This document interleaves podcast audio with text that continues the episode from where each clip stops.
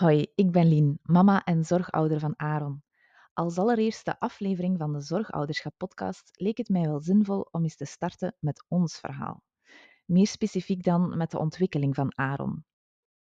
Nu, ik moet zeggen, er valt zoveel over te vertellen en daarom had ik het idee om het een beetje op te splitsen. Vandaag zou ik vooral willen vertellen over de ontwikkeling, hoe we uiteindelijk tot de diagnose zijn gekomen en hoe het op dit moment is. En in een latere podcast zou ik het heel graag samen met mijn partner willen hebben over de impact op ons uh, en op de relatie. Vandaag dus, Aaron.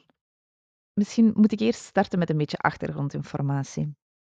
In die zin dat wij uh, eerst volbak nog uh, aan het verbouwen waren, toen eigenlijk de drang naar een gezin toch echt wel heel groot werd. Uh, we waren dus nog aan het verbouwen toen we besloten om te stoppen met de pil.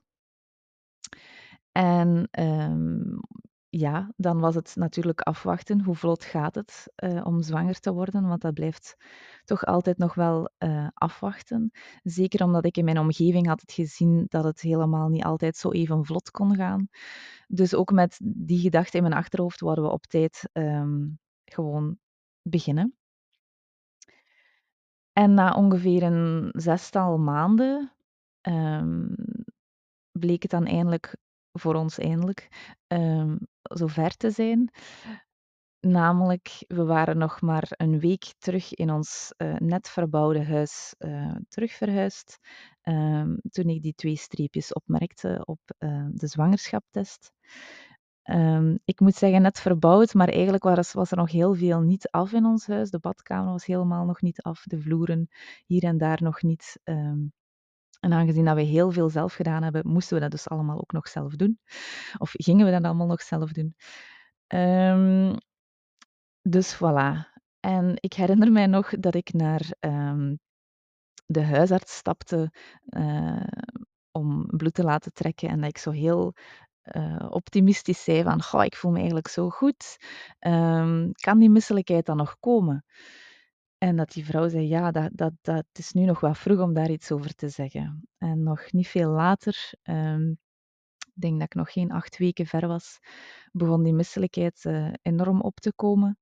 Um, en is het eigenlijk echt wel in extreme mate verder gegaan, dat ik zelfs zo zwak ben geworden van het niet kunnen eten, um, dat ik twee keer in het ziekenhuis ben beland met de moeilijke medische term hyperemesis gravidarum. Dat wil eigenlijk zeggen dat. Ik moet eventjes stoppen. Ja, ik werd zo even onderbroken door een uh, telefoontje rond een afspraak voor Aaron. Want kijk, zo gaat dat als zorgouder. Maar dus, wij waren uh, gebleven bij uh, het uitleggen van hyperemesis gravidarum. Het is eigenlijk een extreme vorm van misselijkheid, zwangerschapsmisselijkheid.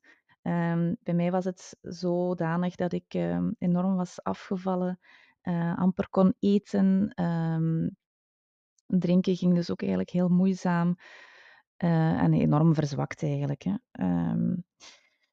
Nu ik ga proberen kort te zijn over de, over de zwangerschap. Uiteindelijk ben ik um, dus heel lang thuis geweest. Uh, nog eens een poging gedaan om terug te gaan werken, maar zomaar halve dagen of halftijds.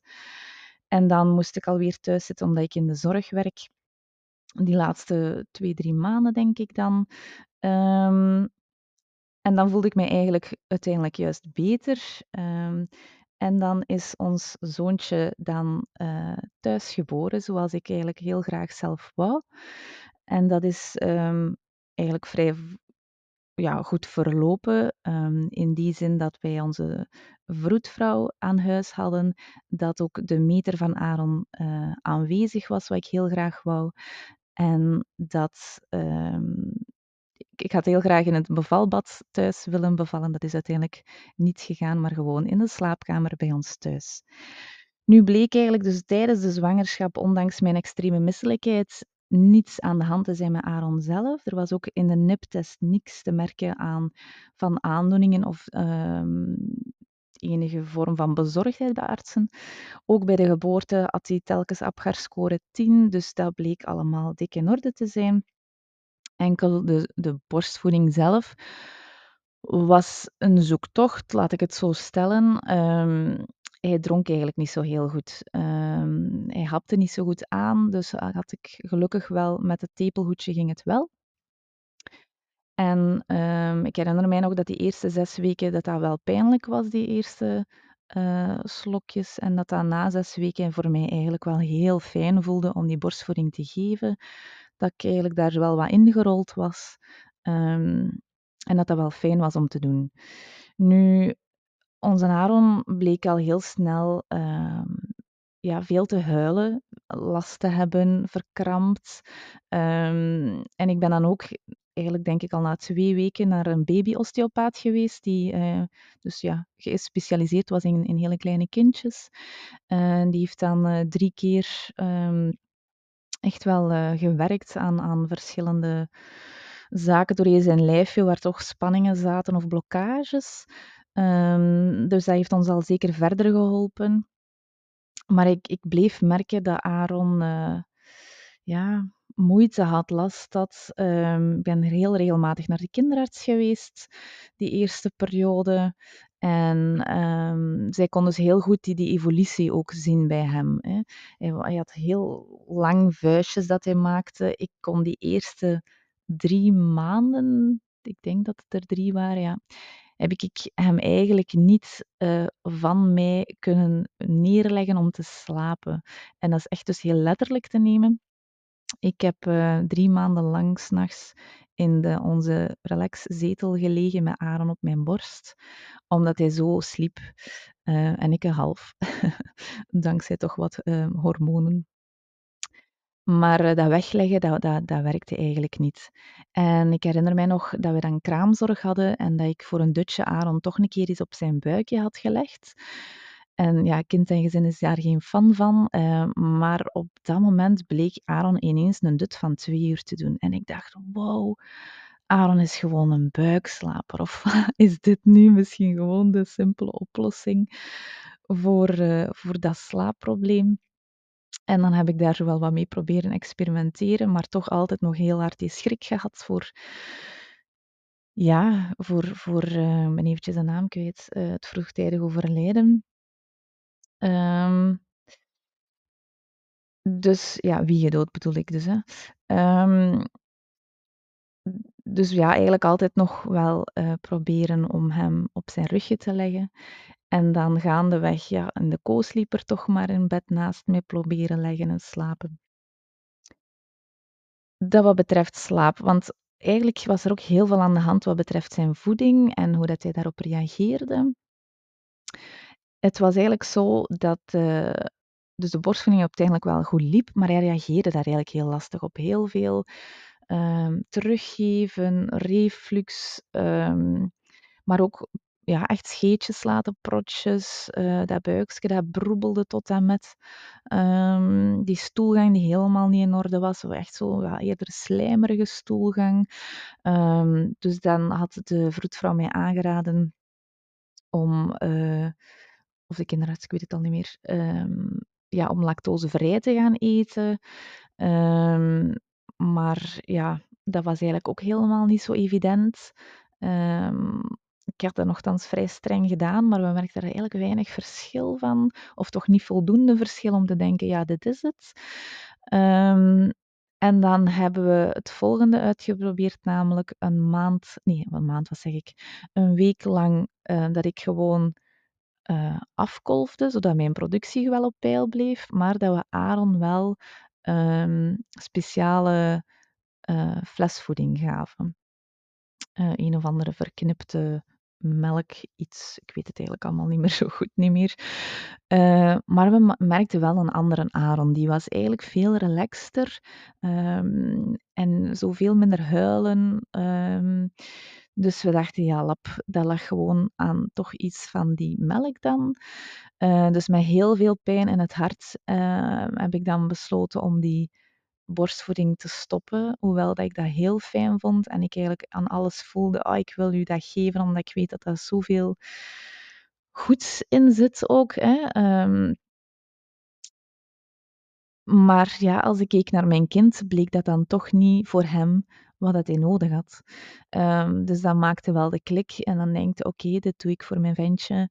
Ehm, dit is wat, dat hij, wat dat hij nodig heeft. En dan zijn we eigenlijk verder met die flesvoeding wel nog serieus aan het puzzelen geweest hoor, om de juiste formule of, of vorm of wat dan ook te vinden. Um, want zijn gewicht die ging achteruit. Uh, of, allee, die was dus zo altijd al heel, heel laag. Dus dat bleef wel een, een aandachtspunt.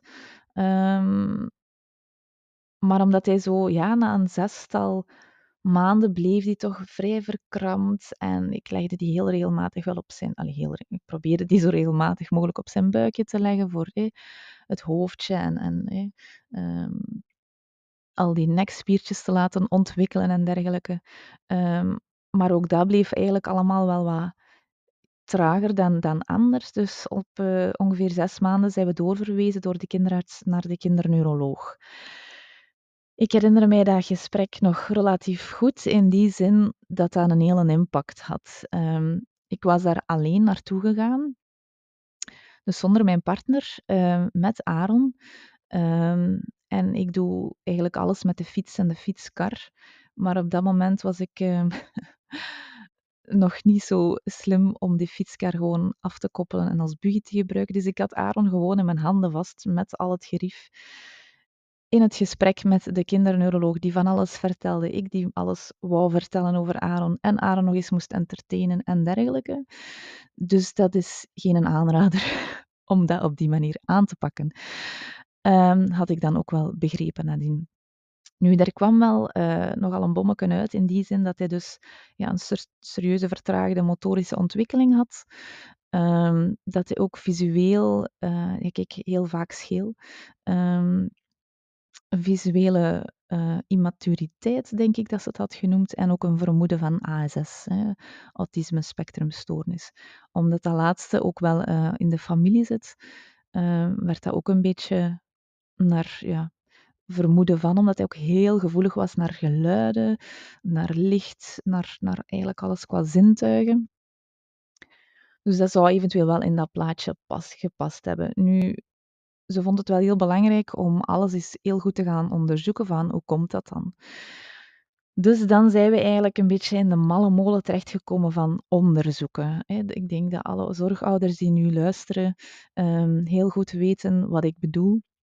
Dat gaat van MRI naar um, een genetisch onderzoek, naar urineonderzoek, bloedonderzoek, um, scans, allerlei. En dan ben ik denk ik nog van alles vergeten. Um, we zijn dan ook gestart met twee keer per week kine te volgen, ambulant. Dus uh, dat kwam er dan ook nog bij om te doen.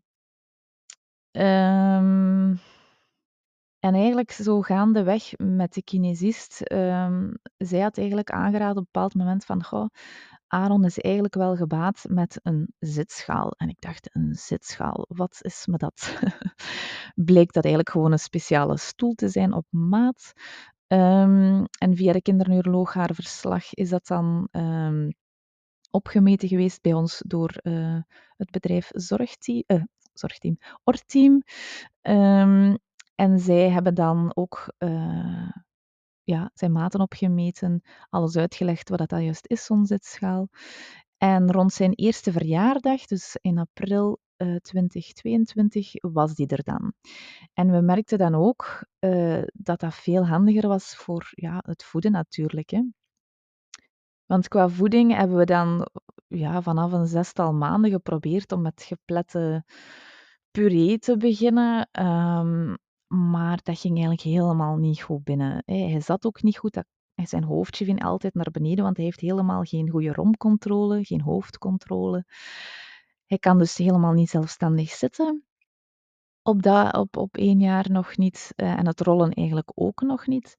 Dat is pas gekomen rond 15 maanden, denk ik, dat hij, dat hij kon rollen.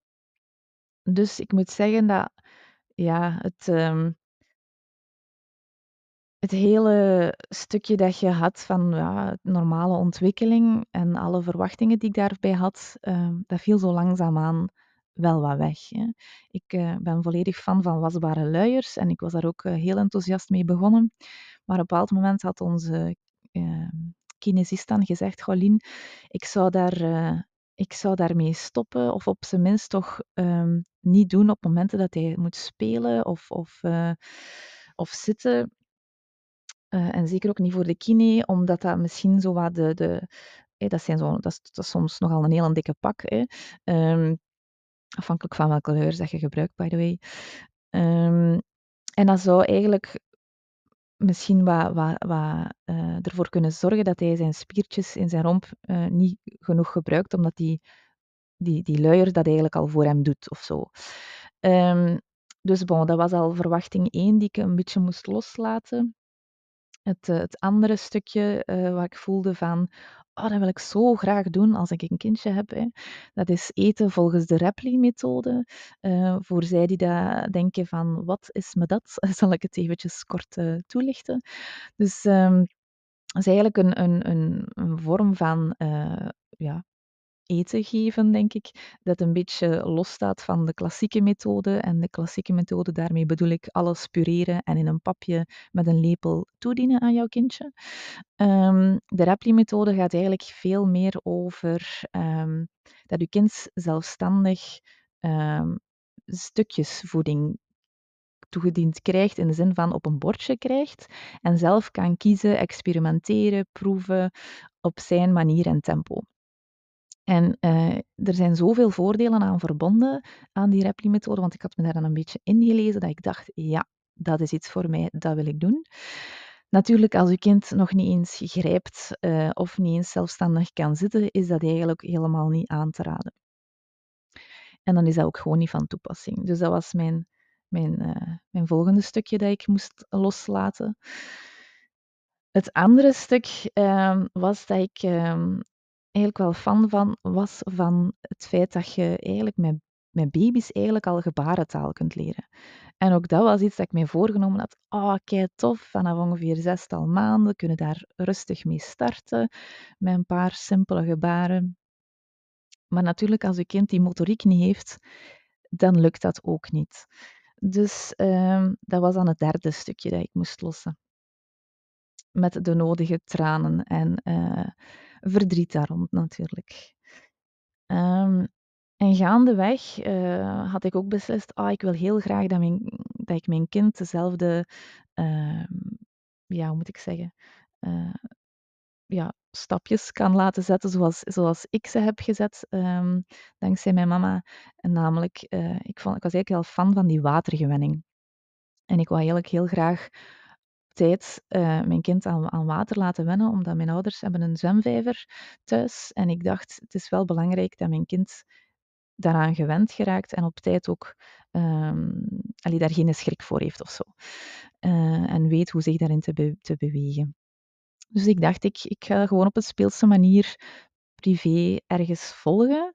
Um, maar ook daar kwam ik heel snel tegen een confrontatie aan, want uh, al die andere kindjes van zijn leeftijd, wat was dat toen ongeveer anderhalf jaar, denk ik, um, ja, die konden zitten, die konden stappen, staan. En ik zat daar met Aaron uh, op mijn schoot, uh, alles liggend te doen of in mijn armen. Um, en dan, zelfs als ik er nu aan terugdenk, voel ik wel dat dat heel lastig was. Um, ook al denk je van oké, ik volg mijn eigen kind zijn tempo en ik zie wel zijn kleine vooruitgangsjes. Um, als dat zo zwart op wit duidelijk is hoe groot dat contrast is, dan is dat pijnlijk, punt. Dus ook daar had ik op mij een bepaald moment voorgenomen, in combinatie met het feit dat de neuskeelooarts had gezegd, kijk, dat lijkt mij niet aangewezen niet meer om dat in de winter te doen, die zwemlessen, omwille van uh, vele infecties waar hij ook last van had, hè, veel ziek zijn, luchtweg, luchtweginfecties, um, hebben we dat dus een tijdje on hold gezet. En het is eigenlijk nu pas, nu hij twee jaar is, dat ik de moed teruggevonden heb van oké, ik, wil, ik wil hem eigenlijk terug wel die water, of hoe moet ik dat eigenlijk zeggen? Uh, gewoon het ponsen in, een, in wat water. Hij vindt dat zo leuk. Eigenlijk wil ik hem dat terug kunnen bieden. Um, maar dan op een manier die voor mij ook lukt. Namelijk um, gewoon een uurtje alleen met Aaron in een zwembad. Um, dus voilà, zo zijn we op dat vlak al onze weg een beetje gelopen. Um, wat betreft opvang was dat ook een hele weg. Um, ik ben thuisgebleven tot ongeveer een zestal maanden. Dat was mijn intentie om nadien terug te gaan werken, maar dat bleek helemaal niet realistisch. Zowel fysiek niet voor mij als mentaal, maar eigenlijk ook helemaal voor Aaron niet. Dus uh, ben ik nog eventjes thuis geweest en pas in februari, dus toen was hij ongeveer 9 à 10 maanden, denk ik, um, heb ik dan toch de stap gezet om halftijds te gaan werken uh, met tijdskrediet. En Aaron dus ook halftijds naar een crash te laten gaan, omdat we gaandeweg, nee, gaandeweg eigenlijk van in het begin, uh, bij het wennen in de crash al gemerkt hebben van wow, onze Aaron is heel prikkelgevoelig. Um, die heeft zoveel één-op-één aandacht nodig en zorg. Um, was het ook gewend van, van ons dat we heel veel met hem rondliepen, gedragen werd in een draagdoek of draagzak. Um, en ze, gelukkig waren die lieve begeleiders in uh, de crash um, ook volledig mee in het dragen, waardoor dat, dat toch eigenlijk wel al hielp. Maar voor Aaron eigenlijk nog niet voldoende was in, in de zorg die dat hij nodig had. Uh, wat eigenlijk wel vaak erop neerkwam, dat ik nog soms voor de middag al een telefoontje kreeg van Gaulien, um, we krijgen hem niet getroost, kan je hem komen ophalen? En dan, ja, springt je op je fiets en je snelt daar naartoe. En uh, ja, dan kun je dus ook gewoon niet eens voltijds gaan werken. Um, dus ik was eigenlijk heel blij dat we gaandeweg ook um, toch de, de uh, hoe moet ik dat zeggen, ja, het ticketje kregen om in een therapeutisch kinderdagopvang terecht te kunnen.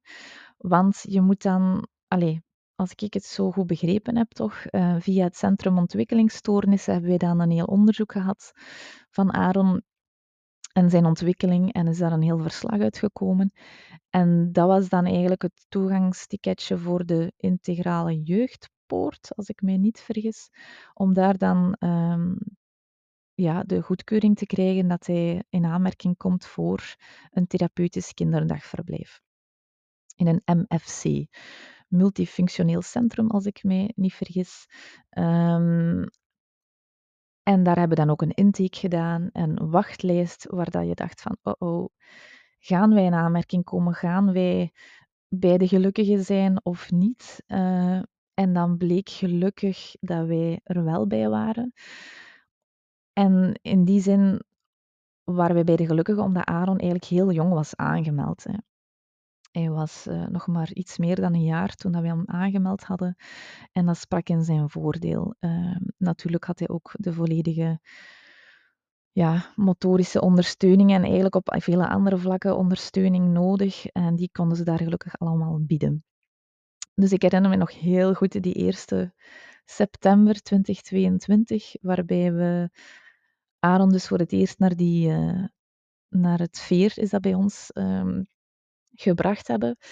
Uh, ik met een heel bang hartje, met echt een slapeloze nacht voordien, omdat ik zoveel schrik had uh, met zijn gevoeligheden, dat dat ook te veel van hem zou vergen. Um, dus ik dacht al, oh, ze gaan meer zo'n overbezorgde mama vinden, dat je smiddags al vraagt, en hoe was de voormiddag? En hoe is zijn dutje geweest? Enzovoort. Hè. Um, maar ze hebben mij daar heel snel uh, gerustgesteld. Um, en ook gewoon hoe ik hem daar in de namiddag ging ophalen, die was gewoon lachend aan het spelen in zo'n zitschaal. En ik dacht, wauw, dit is het gewoon. Dit is de plaats um, waar het hij gaat openbloeien. En dat is effectief ook zo gebleken. Dus ik ben ontzettend dankbaar dat hij daar terecht kan.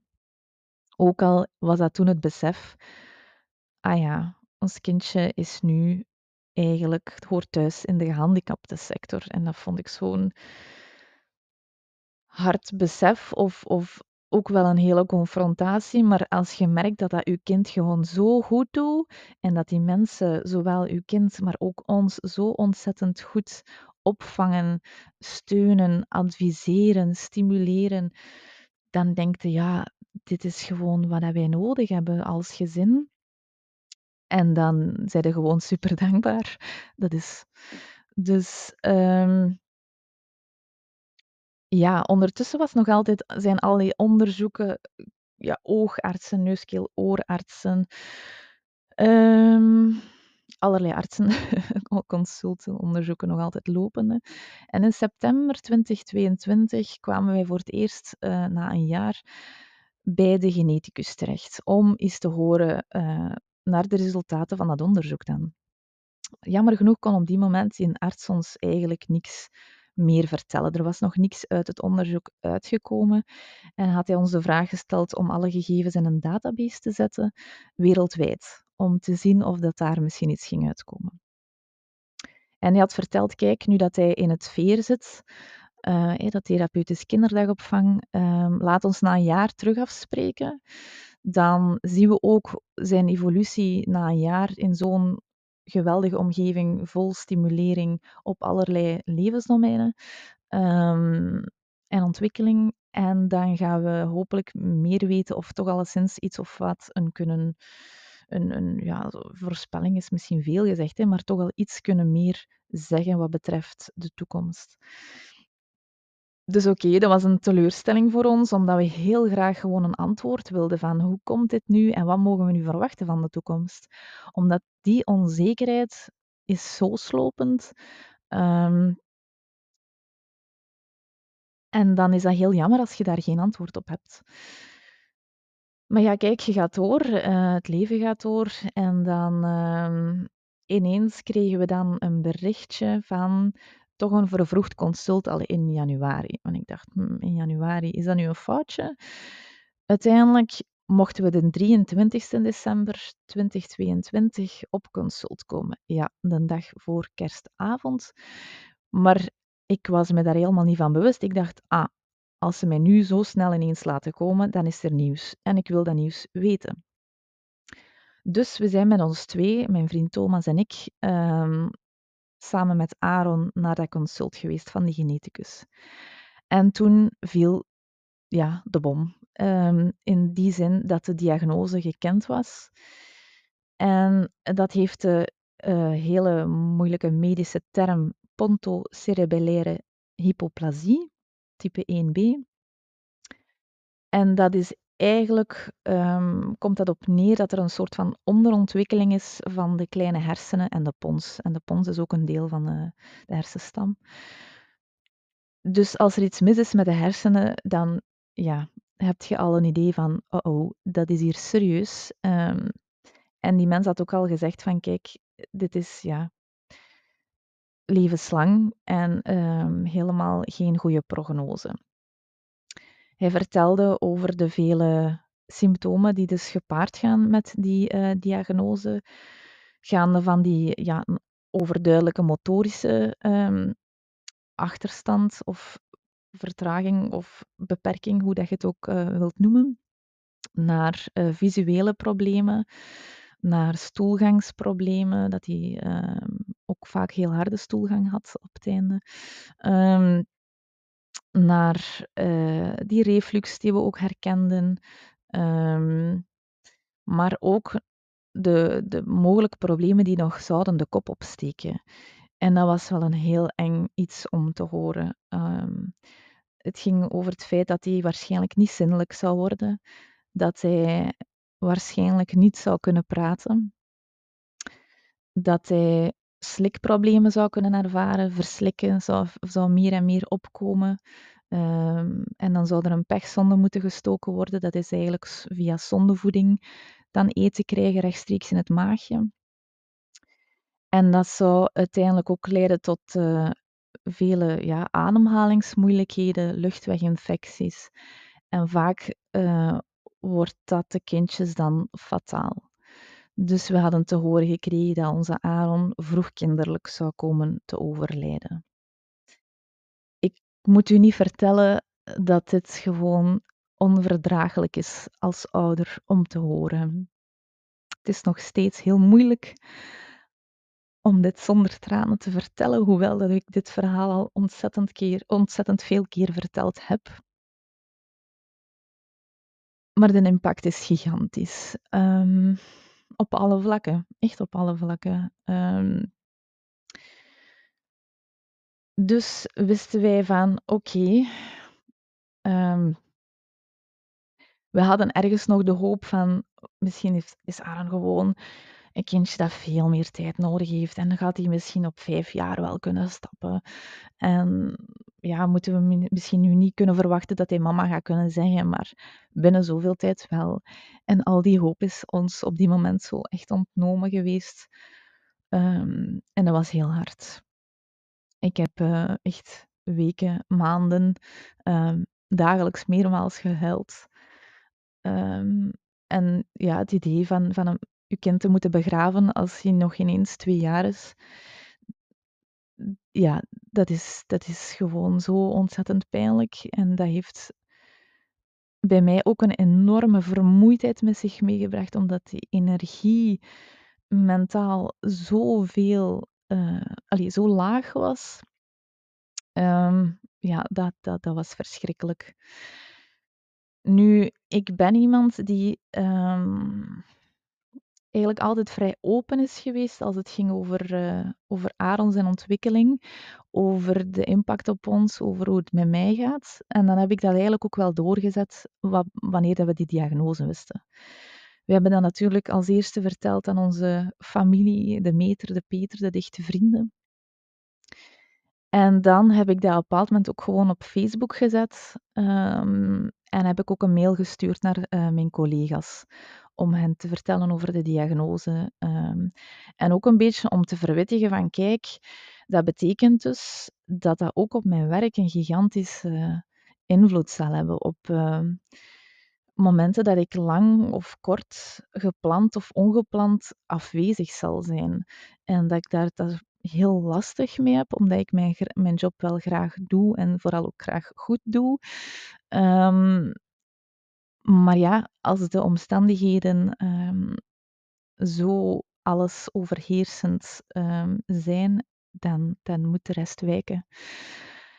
En ik was gewoon zo ontzettend gerustgesteld en um, ook ja, omvergeblazen door, door het begrip de, de, de, ja, eigenlijk echt de liefde die ik gevoeld heb van mijn collega's om, om ons, om onze situatie en, en alle mogelijke uh, inzet om mij daarin te ondersteunen, dat heeft mij heel veel deugd gedaan. Nu bedenk ik mij dat ik nog een heel uh, stukje over de ontwikkeling van Aaron toch een beetje geskipt heb of nog vergeten te vertellen ben. Namelijk um, dat hij in de winterperiode telkens ontzettend veel uh, ja, ziek was. Dus um, ja, snot natuurlijk, hè, um, maar ook heel vaak um, zo oogontstekingen. en hij heeft ook verschillende keren moeten aerosolen, dus dat is zo, ja, voor zijn hoest dan, hè. Moet zijn medicatie toegediend krijgen, ook een uitdaging. Maar dat is dan uiteindelijk wel gelukt. Um, dan is er ook voor het visuele aspect, omdat Aaron uh, scheel kijkt, keek, um, een, dus een thuisbegeleiding opgestart van, vanuit uh, Visa Tweede Kade, accent. Um, en dat is ongeveer ja, gewoon maandelijks dat, dat, zij, dat Marlies bij ons um, over de vloer komt. En zij heeft ook al heel veel uh, ons kennis bijgebracht over het visuele eh, en alles eigenlijk wat erbij komt kijken. Zo. Dat, gaat eigenlijk best wel ver. Naar spelen, naar oog-hand, naar communicatie. Um, dat was ontzettend leerrijk. En is nog altijd, want we krijgen die thuisbegeleiding nog steeds. Um, dan hadden we ondertussen in augustus 2022, toen was hij ongeveer een kleine anderhalf jaar, hebben wij een staattafel, um, dus een nieuw hulpmiddel voor Aaron, ja, gekregen, of hoe moet je dat zeggen? Ehm, omdat hij ja, op een leeftijd is gekomen dat hij toch eigenlijk wat meer die staande houding moest aannemen. En dan, ehm, ja, ik kan dat dus niet alleen. En zo'n staattafel is eigenlijk een hulpmiddel waar je Aaron inzet, waarbij dat hij op verschillende punten op zijn lichaam, dus uh, aan zijn knietjes, aan zijn poep, aan zijn borst, aan zijn hoofd, um, telkens een steun heeft, waardoor dat hij zo kan rechtstaan. En daar had hij dan ook um, uh, spalkjes voor nodig, voor aan zijn voetjes, zodat hij eigenlijk heel mooi recht stond, zodat hij zijn teentjes niet kromde, zodat hij hem eigenlijk een mooi vlakke ondergrond had om op te staan. Um, het andere hulpmiddel dat we ondertussen in huis hebben is een, uh, een soort van een relax-zeteltje. Omdat een zitschaal, dat is eigenlijk vrij actief nog zitten voor Aaron. Um, terwijl een, een, een is eigenlijk veel meer zoals wij een zetel hebben uiteindelijk. Hè. Um, iets passiever gewoon, iets comfortabeler. Om hem ook gewoon een andere houding te geven, want hij ligt eigenlijk alleen maar. Hè. En hij rolt wel ondertussen dus, maar um, ook dat doet hij niet zo heel actief niet meer de laatste tijd, moet ik zeggen. Um, dus wij moeten zelf heel hard attent zijn als hij bij ons is van regelmatig van houding uh, te verwisselen.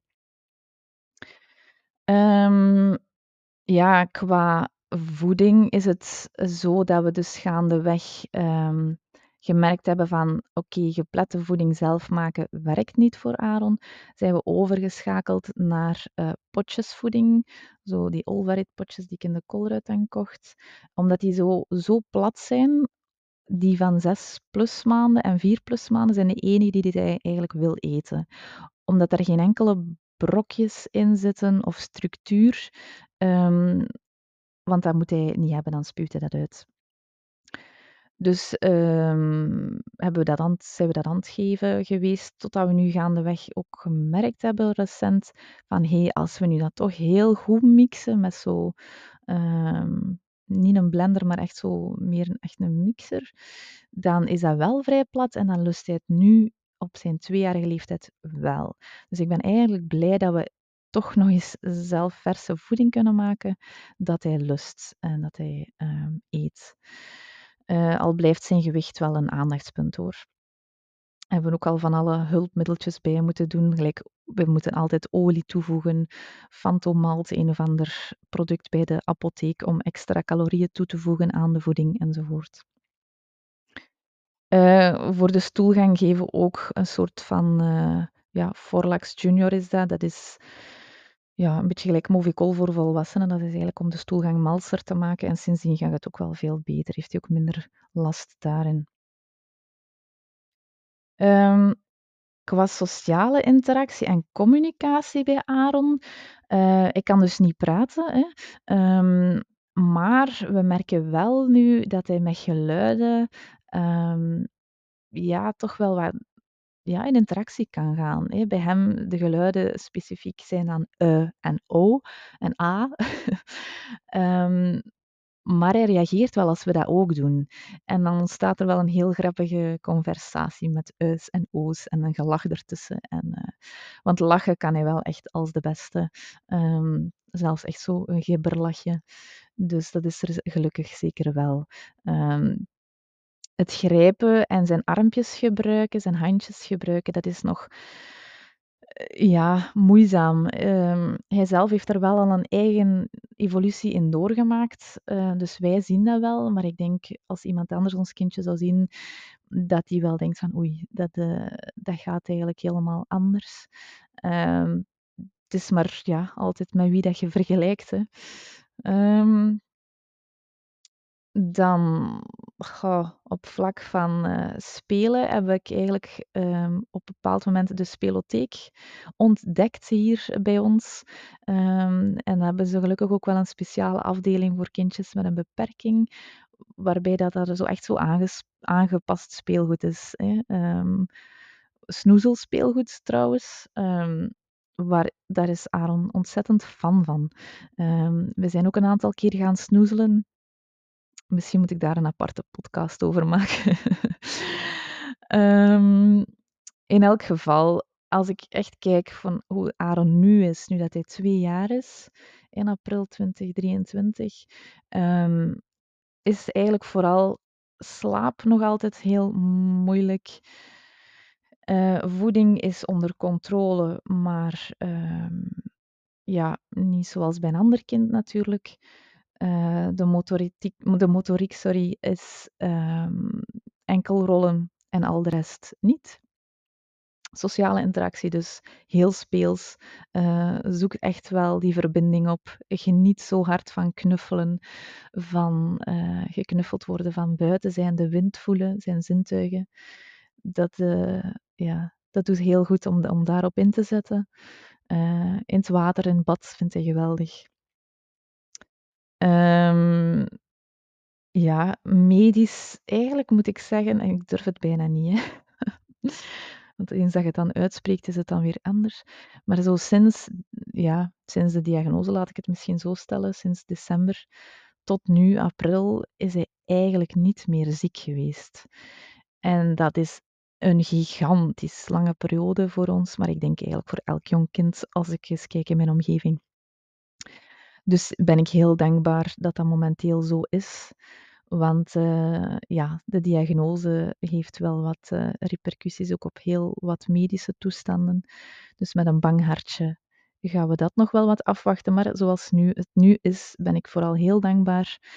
Blij om hem zo te zien, relaxed zijn, op zijn gemak. Um, ja, en wij weten heel goed wat hem helpt, wat, hem, wat voor hem werkt. En daar spelen we natuurlijk dan uh, op in. Um, zo heeft uh, mijn vriend Thomas recent een, uh, een, een, speelbox in elkaar getimmerd, echt letterlijk uit het niks, zonder enig plan, gewoon een aantal speelboxen gaan bekijken. Um, omdat we gemerkt hadden dat het VAPH pas tegemoet komt voor een, een, een, een speelbox of een bedbox vanaf een bepaalde leeftijd of een bepaald gewicht. En daar kwam Aaron helemaal nog niet aan. Maar omdat hij dan eindelijk rolde, hadden we wel zoiets, ja, maar we willen wel een veilige omgeving creëren, dat hij dat wel tenminste kan doen. En in zo'n babypark, ja, met zijn lengte kon hij helemaal daar niks niet meer doen. Dus ben ik eigenlijk heel dankbaar voor de handige uh, ja, vaardigheid van, van mijn vriend, dat hij dat gewoon gedaan heeft. Uh, en nu hebben we een heel grote speelbox in onze living staan. Ik denk van een meter dertig op twee meter en een beetje. Uh, dus best wel groot. Um, maar het is heerlijk om Aaron dan uh, gerust in te kunnen zien spelen op een veilige manier. Voilà. Ik denk dat dat al een hele boterham was um, om te vertellen en ook voor jullie om misschien te horen. Sowieso ben ik nog van alles vergeten vertellen. Dat kan niet anders, maar kijk, zo gaat dat dan. Um, Misschien als laatste wil ik gewoon nog eventjes kort iemand bedanken, namelijk uh, Matthijs van Meadow Creative Studio. Uh, hij heeft namelijk uh, de leuke tunes voorzien voor uh, mijn podcast. Um, en niet alleen is hij muzikant, maar maken ze ook nog heel toffe naamcirkels. En zo heb ik er ook eentje hier thuis staan met Aaron, zijn naam. Ik zal er misschien ook nog een link eventjes zetten in de, in de show notes. Voilà. Dan ben ik jullie alvast van harte dankbaar om te luisteren. En ik hoor heel graag als jullie een of ander onderwerp hier op de podcast willen horen. En dan ga ik me er verder in verdiepen. En dan uh, hoor ik jullie heel graag een volgende keer terug. Dag.